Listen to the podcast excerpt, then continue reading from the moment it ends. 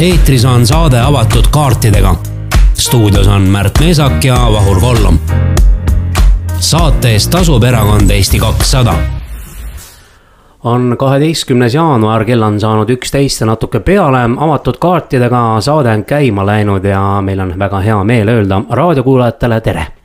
tere, tere ka minu poolt nädalakene on jälle mööda läinud ning ka meedias ning ka Eestimaal on üht-teist toimunud ja ma saan aru, Märt, et sa oled eh, leidnud ühe teema üles, aga enne kui me selle teema juurde läheme, siis peab ära markeerima, et täna me teeme ka intervjuu Igor Taroga jaa, Igor on meil hiljem siis telefoni teel eh, lubanud rääkida Ukraina sõjast ja siis eh, eelkõige Soledari ja Pohmuti olukorrast, mida me kõik tõenäoliselt oleme juba nädalaid kuulnud, et seal midagi toimub ja siis saame teada, mis seal siis täpselt toimub.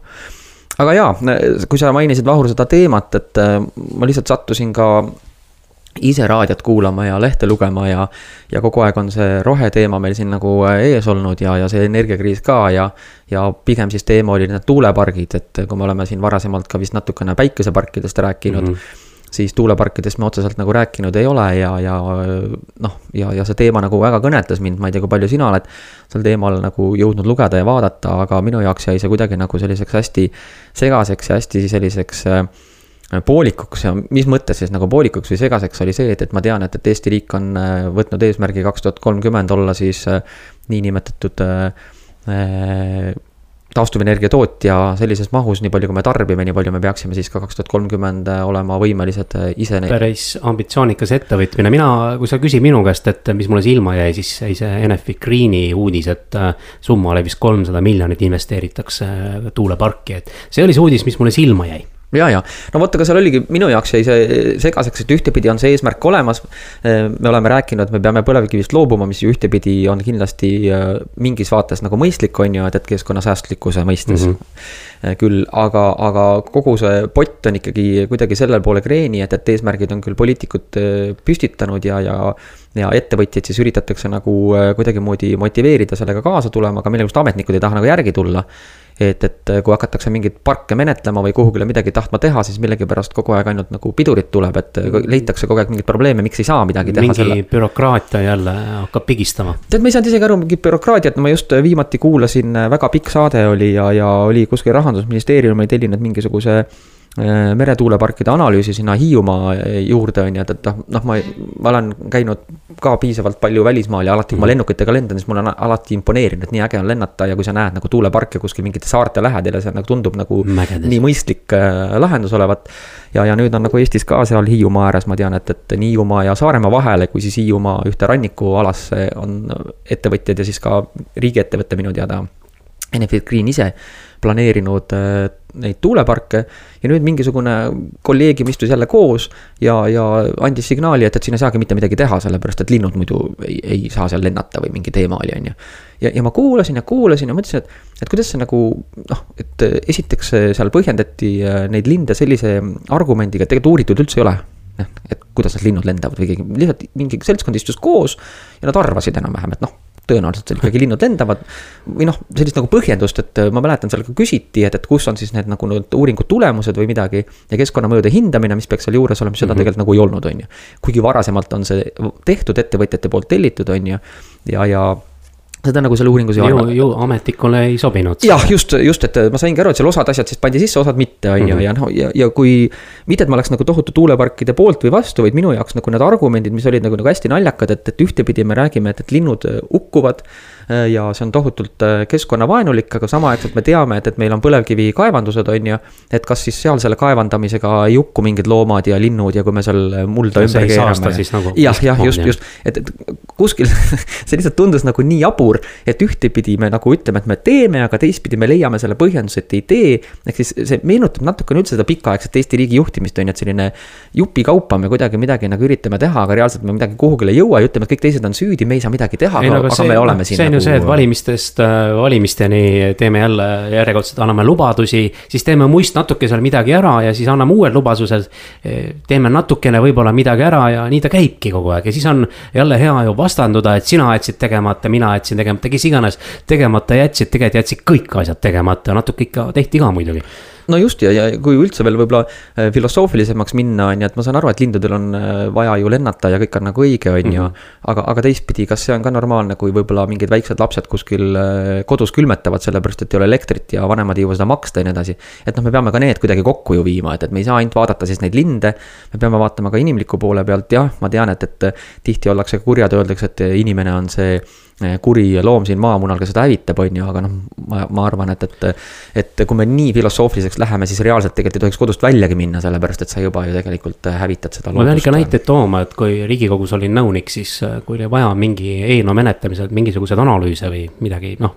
lugeda või hankida, siis seal oli väga tublid, toredad ametnikud ja väga hea osakond, küsisid ja said ja siis sa vaatasid, kui palju on tegelikult igasuguseid erinevaid analüüse ja asju tehtud. siis mõnevõrra, kui sa räägid sellest, et nüüd teenid, telliti jälle mingi uus analüüs, kui äh, tegelikult sealsamas Hiiumaa rannikul kuskil on ju kõik need roheprobleemid ju või kõik asjad on ju ammu teada tegelikult siin ei ole mitte midagi uut, et äh, tellime ühe analüüsi, see ettevõtja tellis, see ei sobi ametnikele ilmselt tellitakse nüüd uus analüüs, kuhu me siis jõuame, et noh, et lõpuks on ikka sama tulemus ju. ei noh, see ongi see, et, et lõpuks ikkagi ma saan raiskame maksumaksja raha. analüüsi tegijatele ma saan aru, et neil on hea meel, nemad saavad muudkui tööd teha. analüüsida. jaa, aga reaalselt peaks ju tulemus ka mingil hetkel mm -hmm. tulema, ju, et lõpuks tuleb otsuseid hakata tegema ja vot siin ongi minu meelest Eesti riigi juhtimisel pikaajaline selline probleem, et otsuseid ei tehta. et muudkui analüüsitakse, menetletakse, kaalutakse ja lõpuks siis, kui tuleb see otsus teha, siis öeldakse, et vot me pole veel valmis. meil ei ole selleks aega, meil pole selleks raha, meil pole seda teist ja kolmandat, on ju, aga siis noh, milleks siis üldse need valitsejad meil seal üle, olemas on, on ju, kui nad ei otsusta. Nad peavad otsustama ja vastutama selle otsuse eest ja ma saan aru, et vastutus tähendab mõne poliitiku jaoks äh, häälte väiksemat saaki, on ju, aga noh, oleme reaalsed, mille eest Eesti poliitik üldse vastutab, mitte millegi eest. no ei, no seda ei ole ju. on ju, kui midagi pekki läheb, ega siis kellegi ei, poliitiku no, taskust seda raha ei tule. vaid isegi no, siin see Elva näide oli, mitte Elva, vaid äh, Otepääl vallavanemate näide, kuidas äh, kanditi mingi vara ära ütleme, et isikud said küll karistada, aga kahju ju keegi sisse ei nõudnud, nii et vargust päise päeva ajal. ei no absoluutselt, ju Kohtla-Järvel ja mujal ka ju, kus on olnud niimoodi, et linn ei küsi seda raha tagasi. et noh, siin ongi see kuidagi nagu patiseis on, et, et me nagu mingil määral nagu oleme oma naba jäänud imetlema. ja me oleme ka nagu üle mõelnud tõenäoliselt on ju, et me muudkui mingites asjades, kus võib-olla peaks rohkem kaasama siis me seda nagu ei tee. Ja nihukestes kohtades, kus võiks hakata lõpuks juba otsustama, sest lihtsalt on juba piisavalt uuritud, siis me neid otsuseid nagu ei tee. sellepärast, et kas valimised tulevad või mingisugused huvigrupid on siis hästi sõnakad ja, ja, ja mõjutavad siis kogu seda äh, käiku, on ju. ja samas äh, riik on ka hakanud ja aasta-aastalt järjest rohkem dikteerima elu, loomulikult andis selle esmase põhjuse koroonapandeemia nüüd energiaküsimused, loomulikult ka Ukraina sõda mõjutab ja Tõnis Saarts võttis ka Postimehes väga hästi sõna ja mainiski ära, et, et tugev riik on tagasi ja seda palju sekkuvamas vormis. kui ta seni taasiseseisvunud Eesti ajaloos kunagi on olnud, nii et. Äh, ja, ja sealt tuleb see välja, et, et tõenäoliselt äh, nendele otsustajatele, kas see on siis poliitikud või pigem võib-olla ka osaliselt ametnikud, kes seal kontorites töötavad, neile on see nagu meeldima hakanud, et on võimalik teatud mingites valdkondades öelda lihtsalt, et vait olla ja teenida, on ju, sest meie siin otsustasime.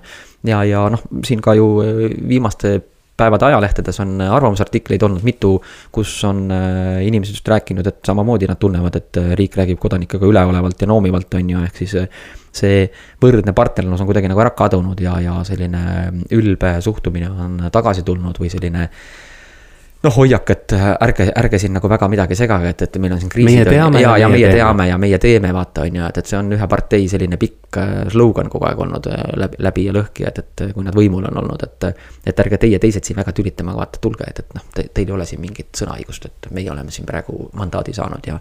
ja, ja plaanime ka järgmistel valimistel selle mandaadi saada jah, eks, eks valimised annavad ka ju vastuse sellele küsimusele, et äh, milline saab olema ka tulevikukoalitsioon. kas ta saab olema liberaalne või mitteliberaalne, et äh, aeg annab arutust ja loodame ikka, et. et see riik ei tungi niivõrd palju meie ellu ja lastakse ikka ise toimetada ja antakse vabamad reeglid meile. ei no absoluutselt ja võib-olla siin ei olegi otseselt ka see liberaalne või mitteliberaalne, vaid küsimus on ikkagi selles, et ini-, inimesed äh, tahavad ikkagi äh, teatud äh, teemades olla iseseisvad, on ju -hmm. ja vahet ei ole siis, kas see on konservatiivne või liberaalne valitsus. mingid teemad peaksid olema Eesti inimeste enda noh, teada ja enda juhtida ja, ja pigem mul isegi tundub nagu hirmsam see, et, et kui mingisuguse teatud varjus, noh, oligi see koroona teema on ju, mingi varjus hakatakse inimeste õigusi nagu piirama ja öeldes, et see on nagu ühise huvi eest, et. et sellest peab nagu kindlasti eemal hoidma ja seda peab nagu esimesel võimalusel kohe nagu käe ette panema. nojah, aga ütleme, et äh, ikka seesama NETS, ma ei saa, ma ei väsi sellest rääkimast, et äh, tehti see seadus ära. siiamaani pole seda parandama asutud ja kõige naljakam on see, et äh, teatud osapooled ka noh pritsivad teineteist poriga ja ütlevad, et sina oled see, kes inimõigusi rikub ja, ja vastupidi, et noh, et no. see, see on ka nagu natukene juba läheb nagu käest ära, kui kõik on seda valitsusvastutust äh, kandnud ja sellesama seaduse alusel õigusi piiranud, siis öelgegi niimoodi, et jah, kahjuks selles olukorras pidime nii tegema, aga me teeme selle seadusandluse kiiremas korras korda, et järgmisel korral, kui see mingi sihuke sündmus on, on meil äh, õiglane seadus. minu meelest on üldse see nagu kuidagi nendes viima-, viimastel aastatel siin see käest ära läinud, just see, üks ongi see, poliitikud näitavad ette. et see inimeste omavaheline suhtlus on nagu ikkagi väga nagu äh, madalaks ära läinud ja selliseks nagu äh, räuskavaks ja selliseks nagu äh, solvavaks, et ma saan aru, raadiokuulajaid on ju erineva poliitilise vaatega kindlasti mm -hmm. hästi palju, on ju, see ei tähenda ju seda, et me oleks ühed eestlased ja me võiks üksteisesse nagu lugupidavalt suhtuda et äh, mina küll austan ükskõik, keda siis keegi toetab, see on tema õigus ja, ja põhiõigus. aga see ei tähenda seda, et ta kohe on halvem eestlane, kui ta kedagi teist toetab, keda mina ei toeta. aga, aga see nagu kuvab nagu ikkagi järjest, järjest rohkem läbi, vaata, me kunagi siin ka rääkisime ju sellest vastandumistest, mida siis kaks erakonda üritasid siin nagu luua, mis tõenäoliselt ei lähe ikkagi läbi. aga noh, juba, juba on näha ka reitingutes, et ei lähe läbi. aga see näitabki seda, et, et see vihkamise ühiskond või selline nagu näpuga näitamise ühelt poolt ja teiselt poolt ei vii meid mitte kuhugi, sest lõpuks naabrimehed ei saa ka omavahel läbi. või meie Vahuriga, sinuga hakkame siin mingil hetkel nagu äh, sõnu loopima, sellepärast et äh, noh, võib-olla leidsime mingil teemal eriarvamusi arvamused, et see ei vii kuidagi kuhugile, et, et oleme ikka eestlased, oleme ühes asja eest väljas. ja lubame ka kõigil erinevaid arvamusi. ja meil ei ole vaja vihkamisühiskonda, vaid äh, kokkuhoidvat äh, ühiskonda, et see, see on see, mis on kummaline eestlaste puhul, et. Äh, kui nii mõnedki rahvused, isegi pered hoiavad kokku, siis eestlane on sihukene omaette hoidev ja ja nüüd on aeg on näidanud, et me suudame ka väga hästi teineteisele vastu nagu vastanduda, et äkki saaks kuidagi ilma selleta ka hakkama, et igal pool debattides oleks ikka sihukene arukas arvamus või kommentaar või sisu ka olemas. okei okay,, ütle omale poliitiline loosung maha, tehtud, aga räägime ikka asjast ka ja, ja lõpuks ikkagi on ju võimalik ikkagi, et lähme koos joome õlut või kohvi on ju ja oleme ja, inimesed. et jääme nagu inimesteks, aga ma arvan, et sellega on hea kokku võtta ja lähme pausile ja oleme pausilt tagasi varsti raadiosaade avatud kaartidega on Raadio Ring FM eetris neljapäeviti kell üksteist. ühiskondlikel ja aktuaalsetel teemadel arutlevad Märt Meesak ja Vahur Kollom. ja olemegi pausilt tagasi ja meiega on nüüd Igor Taro, väga tore ja populaarne blogipidaja Ukraina sõjast, tere Igor! tere! tere, tere! Igor, räägi, et, et äh, me oleme kõik lugenud sinu blogi siin huviga ja, ja oleme ka loomulikult muust meedia, muudest meediakanalitest Ukrainale ikkagi pöialt hoidnud. ja praegu on teemaks Bahmut ja Soledar. Äh, need linnad, kus siis kõige suurem tulipunkt käib, et, et mis sinu infot seal viimati sealtkandist äh, raadiokuulajale pakkuda oleks? no tegu on selles mõttes Ukrainas kõige kriitilisema piirkonnaga rindel äh, juhtub äh, siis äh, kõige rohkem kõige keerulisemaid asju. ja võib öelda, et Soledari piirkonnas siis Vene okupandid saavutasid teatud edumaa või mitte edumaa, vaid edu, ütleme, teatud maa-alal. ja siis üritavad seda edu seal arendada, aga hetkeseisuga võib seda öelda, et äh, ukrainlased oma üksusi Soledarist ei ole veel hakanud välja tõmbama äh, suure tõenäosusega, noh, vähemalt äh, täna hommikuse seisuga. ja mis seal juhtub, on see, et Vene okupandid ründavad väga jõuliselt ja kannavad sealt suuri kaotusi, et selles mõttes Ukraina teeb seal sedasama rehkendust, mida, mida klassikaliselt üks äh, kaitselahinguid pidav pool teeb, et äh, ta üritab siis seda vastast, pealetungivat vastast või, võimalikult palju nagu kurnata ja, ja tekitada talle kaotusi, et ise vältides, ütleme, sedasama kurnamist ja, ja kaotuste kandmist. Äh, kindlasti on ukrainlastel seal kaotused, äh, ütleme, võrdlemisi suured, kui noh, võrreldes võib-olla mingite muude päevadega ja muude rindelõikudega, aga noh, ilmselgelt ei saa need olla nii suured nagu sellel poolel, kes äh, üritab siis äh, tormijooksudega päevas kolmkümmend korda nagu peale tungida seal erinevates suun-, suundades ja, ja on võib-olla ka kaitsjale, kaitsjate tulele rohkem avatud kuule, kuule, aga räägi seda, et miks see nagu, nagu okupantide poole pealt nii oluline on, et mis nende linnade eripära on, et me mäletame siin, et nad on üritanud ka varem ju mitmeid selliseid punkte ära võtta, kõigepealt oli Mariupol on ju, kus nagu äh, noh, mindi ikka vastu seina ja vastu seina ja siis oli ju Sovedonetsk ja see kaksiklinn. nüüd on, nüüd on siis see piirkond, et mis, mis see, mis, mis see nagu on? no selles mõttes, et äh, nende selline suur plaan või suur pilt äh, seal selles piirkonnas on äh, Donetski oblasti äh, kogu territooriumi äh, nii-öelda äravallutamine, ära okupeerimine ja see sai selgeks juba enne seda, kui kahekümne neljandal veebruaril Putin andis rünnaku käsu. noh, läbi selle otsuse, et nad tunnustasid ju seda Donetski niinimetatud rahvavabariiki ja tunnustasid seda tema Ukraina nii-öelda Donetski oblasti administratiivsetes piirides, et äh, sealt äh, tulid need nii-öelda sellised nagu territoriaalsed soovid kohe automaatselt mängu. ja, ja selles võtmes nad on üritanud seal tegutseda. nüüd need ei ole absoluutselt loomulikult võrreldavad asulad, et selles mõttes täpselt selle mastaabi järgi ongi võimalik hinnata, et mis see venelaste edu seal on olnud, et ütleme, et Mariupol on selline no praktiliselt Tallinna suurune linn, eks ole, et seal on nagu mitusada tuhat elanikku. Äh, ta ei olnud küll oblasti suurim, aga ma arvan, et ta oli nagu suuruselt teine. Äh, nüüd need äh, Severodonetsk ja Lõssetšansk, mis olid nagu, tulid järgmises etapis suvel, mida Venemaa väga jõuliselt ründas. et see oli selline sajatuhandeliste linnade aglomeratsioon ehk seal oli kolm sellist umbes sajatuhandelist linna nagu koos. see oli juba nagu, need olid nagu natuke suurusjärgu võrra nagu väiksemad äh, äh, punktid. ja pärast seda, kui äh, äh see pikk äh, piiramine seal ja see vallutamine, mis äh,, millega Venemaa tegelikult sisuliselt oma rünnakupotentsiaali ära ammendas, et pärast seda, kui see oli juhtunud, siis Ukraina pool ütles, et, et siit edasi Äh, venelased enam ühtegi olulist linna ei suuda vallutada. ja noh, ütleme oluliste linnade all peeti silmas Siverskit ja Bahmuti, mis on äh, rajooni keskused. ja nüüd äh, tollest ajast alates, eks ole, on venelased üritanud seda Bahmuti ära vallutada, ära okupeerida, nad ei ole seda suutnud teha ja Soledar on üks veel väiksem linnakene, noh, umbes siis kümnetuhandelise elanikkonnaga, rahuajal oli ta mis ei ole isegi rajooni keskus, et kus nad siis lõpuks leidsid äh, noh, mingisugused lüngad Ukraina kaitses, ei olnud see kaitse igal pool ühtlaselt tugev, kus nad suutsid kogu oma jõudu, kogu oma energiat nagu ühte punkti suunates äh, läbi suruda seal äh, nii-öelda nii linna põhjatiivalt kui ka lõunatiivalt ja on siis tekitanud jah, seal selles asulas kaitses olevatele Ukraina üksustele omajagu probleeme. et see on selline, kuidas öelda võimaluste otsimine, et mis see võimalus siis on, äh, mida me siis suudame ära vallutada, noh, tõenäoliselt nad on äh, niimoodi nagu seda kalkuleerinud.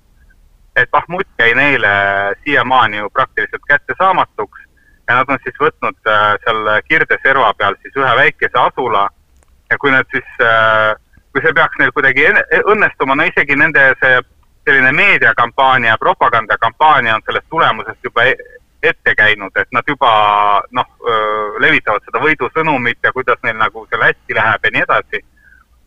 noh, tegelikkuses on, on, on, nad ka seal praegu natuke plindris omadega, et päris mitu päeva, eks ole, kestab see olukord, kus linn on kolmest suunast ümber piiratud, aga ukrainlased ikkagi hoiavad oma positsioone seal linna keskuses Ukraina on peamiselt nagu kaitses, aga kas Ukraina poolt mingisuguseid äh, lisajõudusid on ka sinna minemas?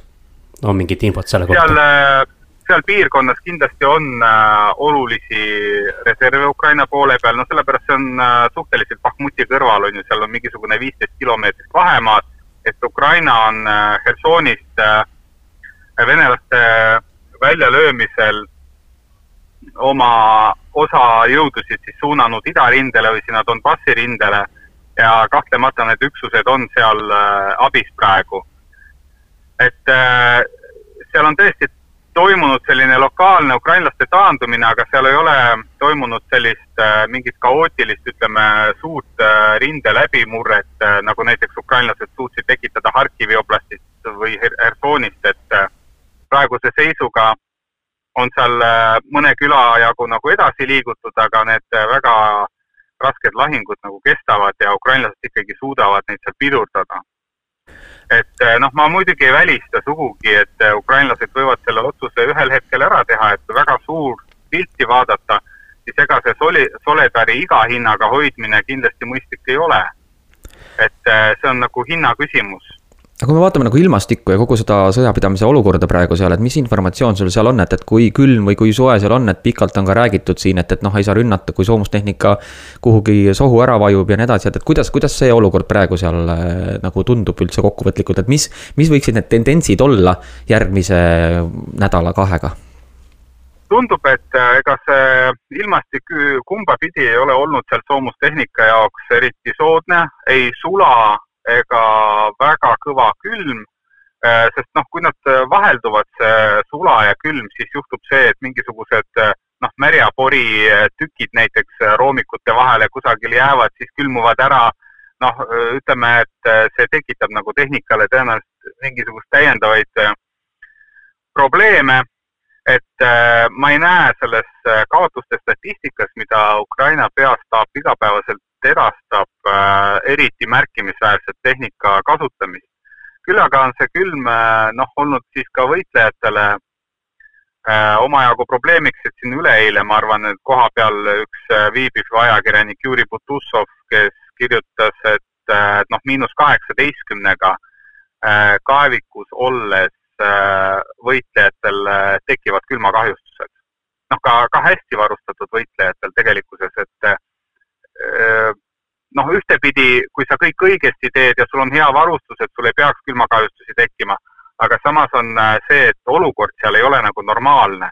et äh, ehk siis tõenäoliselt seal, seal on vaja nagu selliseid üle loomulikke pingutusi, eks ole, et tõenäoliselt mingid inimesed peavad teatud positsioonides, kaitsepositsioonides kusagil olema palju rohkem, kui määrustik ette näeb.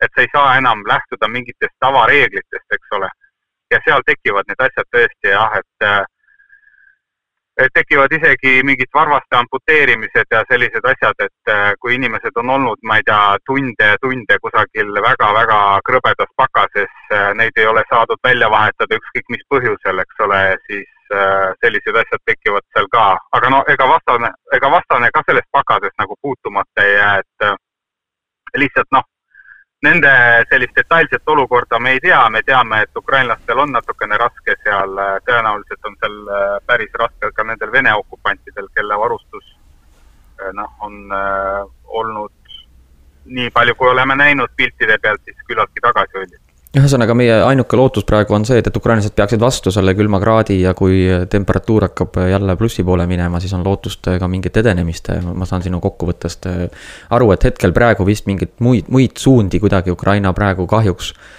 lisaks veel juurde võtta ei jõua. ja võimalik küll, et nad on öelnud ka seda, et noh, et kui läheks natukene plussi ilm, et, et hoopis selle plussiga siis võib-olla noh, see tehnika kasutus võib-olla seal natuke ka langeks äh, vastase poole pealt. aga noh, samas ma ütlen, et loomulikult on oluline, et ukrainlased seal vastu peaks, aga samas, kui nad peaksid ka tegema otsuse, et nad Soledari maha jätavad ja liiguvad seal jõe taha, seda ei peaks äh, võtma mingisuguse suure tragöödia ja sellise meeletu kaotusena, et äh, sõja sellises üldises kontekstis see tulemust ei mõjuta, et mõjutab tulemust see, et kui pikalt suudavad ukrainlased seal vastu pidada niimoodi, et nad tekitaksid sellele Vene põhilöögirusikale äh, võimalikult suuri kadusid. ma arvan, et see on põhieesmärk, et, äh, et seal ei ole eesmärk mitte seda asulat hoida, vaid ikkagi venelaste rünnakupotentsiaali võimalikult palju hävitada, nii palju, kui nad ise jõuavad, ilma selleta, et ise seal kuidagi kotti jääda. et kurnata Vene vägesid nii palju kui võimalik, äh, nagu ma olen siin lugenud ka, et on ka parimad pojad sinna kohale veetud peale vangida, nii et äh, eks näha ole, mis seal saama hakkab. aga jaa aitäh sulle, Igor, igal juhul selle blogi pidamise eest ja ma saan aru, et, et nagu sa oled isegi öelnud, et hästi palju kohvi ja öötunde läheb sellele ja me kõik oleme selles mõttes väga tänulikud ja ma loodan, et sa jätkad. ja ma loodan, et sa ei pea seda väga pikalt jätkama, et ükskord see sõda ikkagi nii läbi saab, et, et Ukraina on võitnud ja saad sina ka rahulikult öösel magada. kirjutada raamatu. täpselt nii. aitäh sulle ja jõudu-jaksu. jah, nägemist raadiosaade avatud kaartidega on Raadio Ring FM eetris neljapäeviti kell üksteist. Ühiskondlikel ja aktuaalsetel teemadel arutlevad Märt Meesak ja Vahur Kollom. oleme nüüd väikeselt pausilt tagasi ja ega kokkuvõtteid ju möödunud aasta kohta ei tehtud ainult eelmise aasta lõpus, vaid tehakse ka selle aasta alguses no vähemalt meie Vahuriga küll teeme, et, et ma usun, et teevad teised ka ja, ja näiteks ka Postimees on siin teinud äh, toreda kokkuvõtte ministrite ja ministeeriumide tegevusest ja, ja otsustasime samamoodi ka Vahuriga, et, et vaatame koos eelmise aasta äh, tervikule otsa, äh, võtame ministrid ja ministeeriumid üksipulki lahti ja, ja. anname ka hinnangu. anname ka selles mõttes siis viie palli skaalal äh, hinnangu. võin raadiokuulajale öelda, öelda, et, et me ei ole kokku leppinud, mis hinnangu keegi millele annab, et me siis jutu käigus ise ka üllatume, kas teine on samavõrd nõus või mitte, jah, just. et aga anname minna, et, et. alustame algusest alustame algusest, et Eestis on siis äh, teatud arv ministeeriumeid, äh, võib-olla me ministrite nimesid isegi ei hakka nagu äh, otseselt mainima, aga räägime ministri, ministeeriumide tegevusest, toome välja mingid konkreetsed teemad, mõlemad siis ja, ja lõpuks siis võtame ja põimume kokku hinde. ja loomulikult ega raadiokuulajal teil jääb ainult üle, kas siis nõustuda või mitte nõustuda, et ega muud valikut ei ole ja mõelge kaasa aga äh, Vahur, esimene siis äh, ministeerium, mida ma sulle pakuksin, mida võiks natukene kokku võtta, mis märksõnad sul eelmisest aastast meelde on jäänud, on siis kaitseministeerium. ja julgeolek on ju väga oluline teema. jaa, otse loomulikult ja kui me oleme rääkinud ka saadetes kaitseministeeriumi tegemistest ja kahtlemata oli ka see õhutõrje küsimus ju täiesti laua peal, mis äh, kahjuks küll oli poolik no ta oli poolik jah, me räägime sealt Kalevipoja kuplist on mm -hmm. ju ja, ja minu, minu silmis ka oli ta selles mõttes natuke hiljaks jäänud, et kui varasemalt kogu aeg meile kinnitati, et me oleme suhteliselt hästi kaitstud, siis. ma saan aru, et, et noh, me keskmiselt olemegi tõenäoliselt hästi kaitstud, aga ikkagi vajakajäämisi oli ja sellist tervikpilti tõenäoliselt ikkagi ei adutud veel. et Ukraina sõda siis pani selle ministeeriumi fakti ette, et, et, et suudeti rohkem jalad kõhu alt välja võtta ja, ja minu meelest nagu suhteliselt adekvaatseid mingeid otsuseid ikkagi teha ja, ja noh, ma saan aru, et, et riigieelarves alati raha on puudu, aga praegu vist probleemi sellest, et otseselt äh, mingit protsenti ähm, SKT-st nagu keegi vastu oleks, ei ole ja ma tean, et Eesti kakssada on ju ka väga selgelt välja öelnud mm -hmm., et kolm protsenti ja rohkem peab see olema. ja ma usun, et see on küll täna poliitikute seas selline üldine poliitiline kokkulepe. ja loomulikult mär... Eh, kaitseministeeriumi saab ju kiita eelkõige Ukraina aitamise tõttu, et eh, seal on olnud nad väga-väga tublid. absoluutselt, me oleme ju maailma mastaabis elanike arvu poolest kõige suurem toetaja on ju, ja ka moraali mõistes oleme alati. isegi, isegi minu teada oleme toetamise summade poolest vist top kümnes, et mis on üllatav täitsa. jaa, just, aga, aga minu jaoks ikkagi, kui ma nagu hinnangut kokku võtan, siis üks selline väikene selline. tõrvatilk. tõrvatilk seal rosinasupis ikkagi oli ja see oli siis Nursipalu. Ja kogu see kommunikatsioon, millega siis seal hakkama saadi, ehk siis unustati ära varasemalt kommunikeerida ja inimestega rääkida ja mindi võib-olla natukene liiga jõupositsioonilt äh, kehtestama ennast kohas, kus tegelikult peaks just vastupidi, väga mõistlikult ja, ja siis äh, serviti minema. ja, ja tõenäoliselt jääb see küsimus ka selle valitsuse poolt ju lahendamata ja jääb äh, järgmise valitsuse kanda. jah, noh, eks neid teemasid on kindlasti sealt valdkonnast veel, mis jääb ju kanda, leida riigieelarvest veel rohkem raha kaitsekulutuste harrastusteks ja kõigeks muuks. Aga Nursipalu jah, on selles mõttes nagu nukker ja, ja halb näide sellest, kuidas kindlasti riik ei peaks oma kodanikega suhtlema no eks äh, riik on varemgi nii mõneski ministeeriumis täpselt sama viga teinud, et seda kommunikatsiooniprohmakaid on olnud ikka erinevatel tasanditel ja see on ka sihukene ehe näide. seda enam, et kui hakatakse kellegi kodu nii-öeldes äh, välja ostma ja ta peab sealt välja kolima, et see on päris sihukene keeruline teema. Aga võtame korraks Postimehega appi ja ma lihtsalt äh, sinu käest küsin huvi pärast, see ei ole üldse mingi test, vaid mainiks nagu ka siis ministeeriumite töötajate arve Äh, mis siis eelmine aasta oli, et kas nad kasvasid või äh, langesid, mis sa, Vahur, arvad, kuidas äh, kaitseministeeriumil eelmine aasta läks, kas nende ametnike arv kasvas või langes? vaadates seda, millest me eelmises plokis nagu rääkisime ka, et riik muutub järjest tugevamaks ja siis ma kaldun arvama, et ikkagi ametnike arv kasvas ma võin sulle öelda seda, et, et äh, Postimees on välja toonud, et sada viiskümmend äh, inimest oli siis kaitseministeeriumi palgal ja, ja üllatus-üllatus, ametnike arv vähenes kümme, nii et, et kiitus kaitseministeeriumile selle puhul. no ütleme, et äh, ministeeriumi, ütleme, et siis töötajate arv võib-olla vähenes, aga see ei tähenda seda, et kaitseväes äh, isikute arv vähenes. absoluutselt, me räägime ministeeriumist ja, ja, ja see ja. näitab seda, et, et kaitseministeeriumi inimesed on piisavalt pädevad, et nad saavad hakkama kriisiolukordades äh, ka väiksema personaliga. ja, ja see on ju selles mõttes nagu äh, hea tunnustus. aga nüüd hinded, mis viie palli skaalal Vahur ütleb oma esimese ministeeriumi hinde? Mm, ma arvan, et üks viis miinus on päris hea hinnang kaitseministeeriumile, et Nursipalu küsimus jäi küll nüüd õhku, jääb järgmise valitsuse kanda, aga minu arvates on nad teinud head tööd.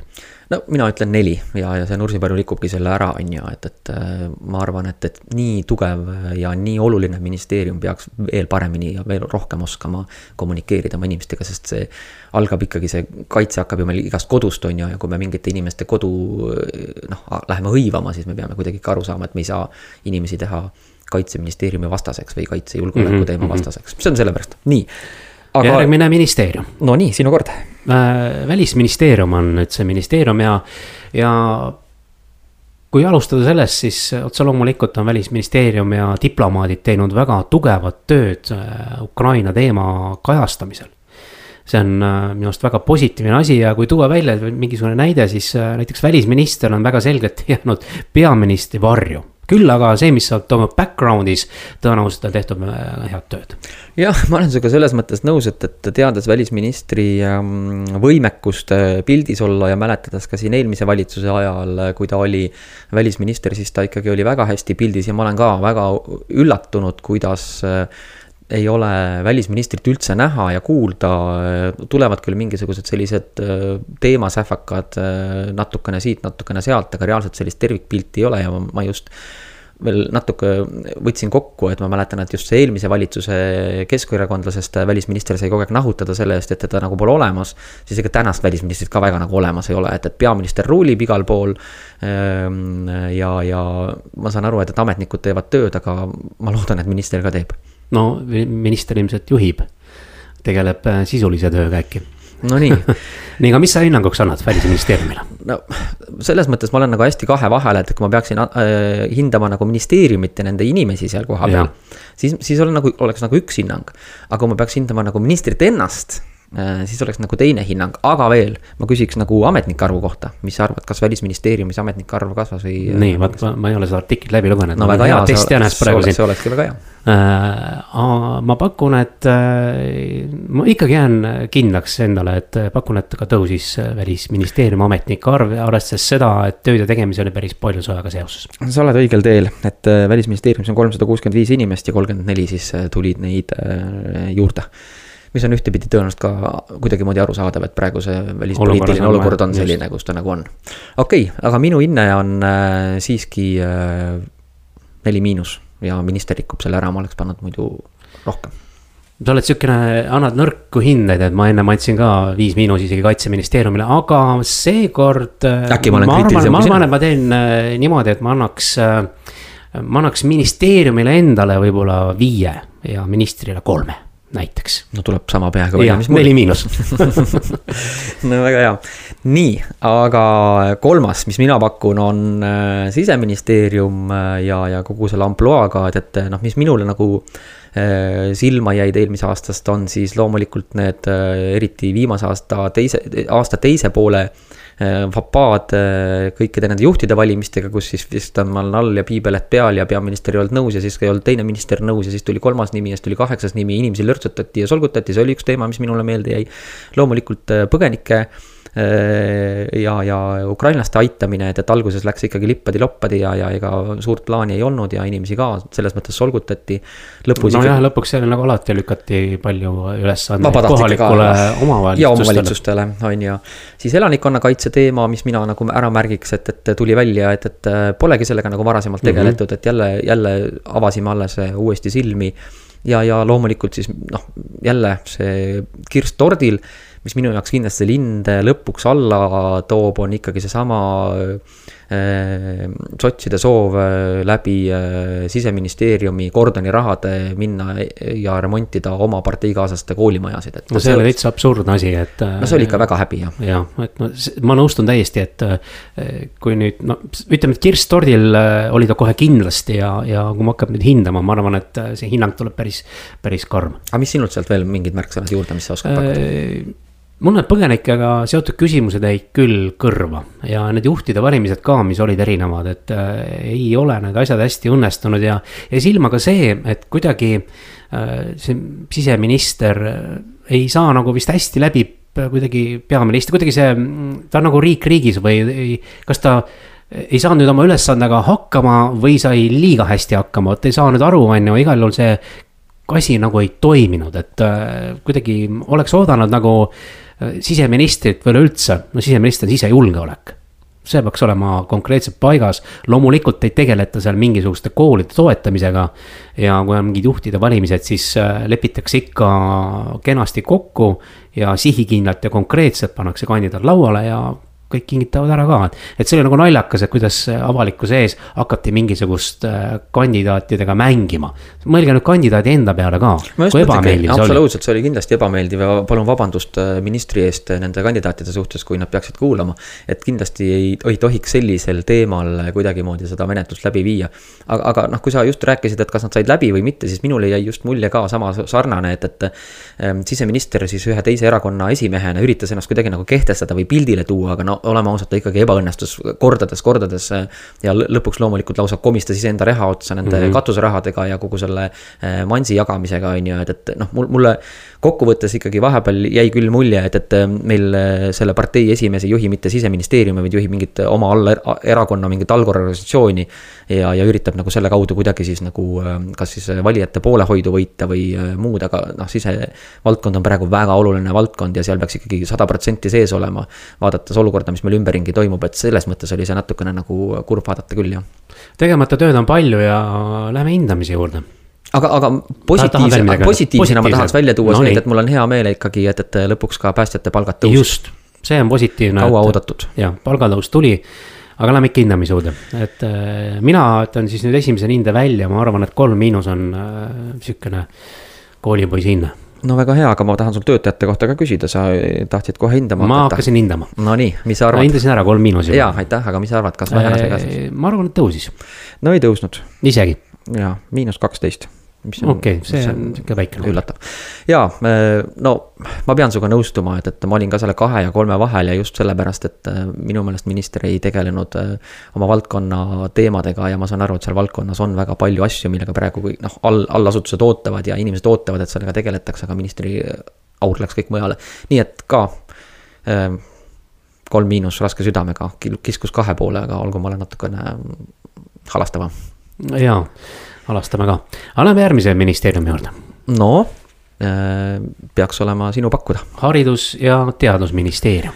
okei okay.. et äh,. põnev ministeerium jaa, aga sellest oleme me rääkinud ka, et võib-olla üks positiivne asi, mis sealt siis tuli eelnõuna, on just eesti keele õppele üleminek tead, tead, miks ma ütlesin põnev, põnev ministeerium, sest ma väga huviga ootan, millal see minister kahtlustuse saab, sellepärast et eelmised kaks on juba seda saanud, on ju, et Mailis Repsi teema me oleme siin ju näinud äh, kohtuteemast mm. -hmm. ja, ja ka Liina Kersna ei ole vist sellega veel päris läbi saanud, et päris huvitav saab olema, et kas enne valimisi tuleb ka kolmas teema, et siis võiks öelda küll, et, et mis seal ministri, ministeeriumis toimub, et, et.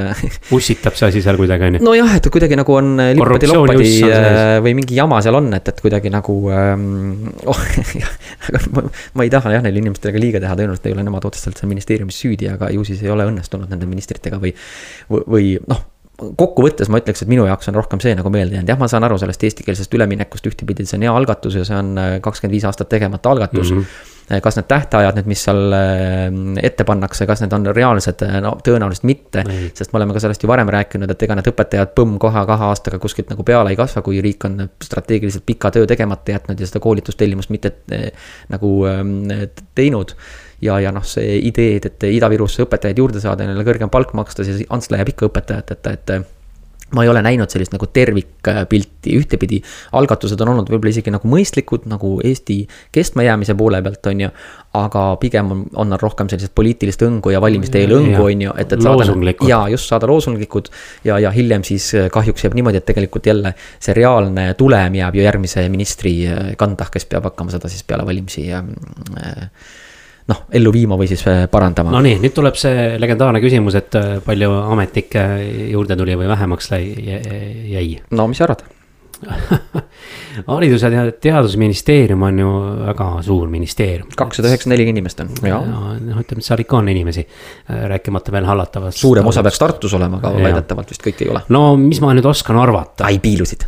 ei piilunud aga ma jään ikka kindlaks, et tuli juurde no ei tulnud miinus kaheksateist. no näed, jälle no. läks, jälle läks halvasti, aga selles mõttes riigil läks hästi, et äh, noh, vähem palka. see on nagu lotomäng, ma loodan, et raadiokuulajatele on huvitav, et siin numbrit kirjas kogu aeg. aga võib-olla maksti hoopis selle raha eest kellelegi preemiaid. no tõenäoliselt makstigi kahjuks jah nii, mina pakun sulle välja nüüd äh, sotsiaalministeeriumi, siin me peaksime rääkima siis kahest äh, ministrist tõenäoliselt, üks on siis sotsiaalminister ja teine on siis töö- ja terviseminister.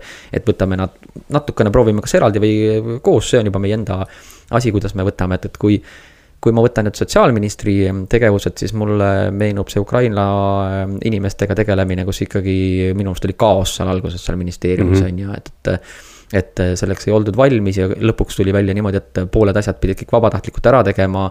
ma mäletan e, eelkõige ma mäletan seda, kuidas Narva linna ei suutnud minister ja ministeerium koos linnaga püstitada vastuvõtutelki, mille pidi panema vabatahtlikud ise omast ajast ja, ja rahast ülesse. teades, et Narva oli see põhikoht, kus nagu inimesed üle tulid, et see oli küll ikkagi suhteliselt black on ja see veel pikalt-pikalt vindus, sellepärast et äh, ministeeriumi poolt minu meelest tuli mingi signaal enam-vähem, et keegi pole meiega tahtnud rääkida või midagi. no teie peaksite olema algatajad, kes seda nagu üldse algatavad, on ju. ja, ja no,, ja, ja noh, lihtsalt paar märkust veel, kui sa lubad, Vahur. et, äh, et äh, käis ju ka läbi viimasel siin ajal ravimite puudus ja, ja kogu see tringel-trangel ja, ja ka süsteemide ühildamine, kui me räägime siin kõikidest toetustest ja muudest asjadest, siis ikkagi sellega pole kuhugile kaugele edasi jõutud, et inimesed peavad ikka tõestama igasuguseid asju kuskil äh, kabinettides selle asemel, et, et see personaalne riik äh, aitaks inimestel õige, õige, riik, riiki õige vabaaja juurde. no see valitsus küll personaalse riigini ei jõua ja kui rääkida sotsiaalministrist, siis see võib olla üks minister, kellest mina olen kõige vähem kuulnud no palju õnne, tõenäoliselt pole ka väga paljud raadiokuulajad temast midagi kuulnud. jah, et äh, täiesti kadunud isik äh, minu jaoks, et äh, midagi kuskil tehakse, toimetatakse, aga sotsiaalministeeriumi haldusalas on üks, ei, jah on üks, üks minister meil vist veel ju, ei ole? on, aga võtaks selle esimese ministri hinde ära, et, et muidu me vägivaldselt paneme ühele ministrile võib-olla noh vale. no paneme hinded olema. jah, no nii. ma ei oskagi ausalt öelda arvestades seda, et. minister, keda sa näinud ei ole. ja, et äh, ma arvan, et siin äh, kolm miinus julgelt, et üle selle ei saa, sest ega midagi otseselt ei ole muutunud, mingit reformi pole tehtud no ma, mina, mina, mina isegi olen kriitilisem, ma saangi aru, et, ma olen sinust vist üldse kriitilisem ja mina panen lausa kahe, sellepärast et äh, ma oleks ka oodanud rohkem seda personaalset lähenemist ja kogu mm -hmm. seda protsessi. ja kõike muud, et, et äh, ma saan aru, et, et tööd on tehtud, aga ettevalmistus on olnud ikkagi suhteliselt nõrgapoolne, minister ise ka tõenäoliselt ikkagi suhteliselt nõrgapoolne. no aga räägime ka sellest, et, et meil on puudu õdedest ja arstidest ja see igasugune arengukava on ka kuskil, kuskil no midagi tehakse, aga endiselt pole mitte midagi tehtud. et noh, võib-olla ma tõesti peaks ka tõmbama kahele selle hinda, et. no see on su suuri teemasid, tegelikult sotsiaalvaldkond on ju nii oluline valdkond ja, ja, ja praegu ikkagi suhteliselt kriisi teemal ka väga oluline valdkond ja ma ei ole näinud seal küll ühtegi suurt plaani või sellist suurt strateegiat, millega on ministeerium välja tulnud olnud, et nüüd me hakkame nagu lõpuks ometi millegiga X asjaga tegelema, sest see on tegemata, ma ei, ma ei ole seda näinud. ei, neid plaane ei ole kuulda olnud, et äh, tegeletakse ikka igapäevaste toimetamistega ja ongi kõik nii et päris, päris mitu-mitu ministeeriumi jäi seekord käsitlemata, aga tänaseks saade avatud kaartidega lõpetab, nii et äh, kes soovib saadet järele kuulata, siis äh, minge meie leheküljele ringfm.ee raadioleheküljele, sealt leiate saate üles ja avatud kaartidega Facebooki lehelt saate ka kõik info kätte. ja kes tahab minuga kohtuda, siis loomulikult seitsmeteistkümnendal jaanuaril oleme oma kandidaatidega siis Elva kultuurikeskuses. üritus algab õhtul kell kuus, nii et, et tulge kindlasti kohale, võtke nööbist kinni ja räägime juttu. selge, järgmise korrani. kõike head. eetris on saade avatud kaartidega. stuudios on Märt Meesak ja Vahur Kollom. saate eest tasub erakond Eesti kakssada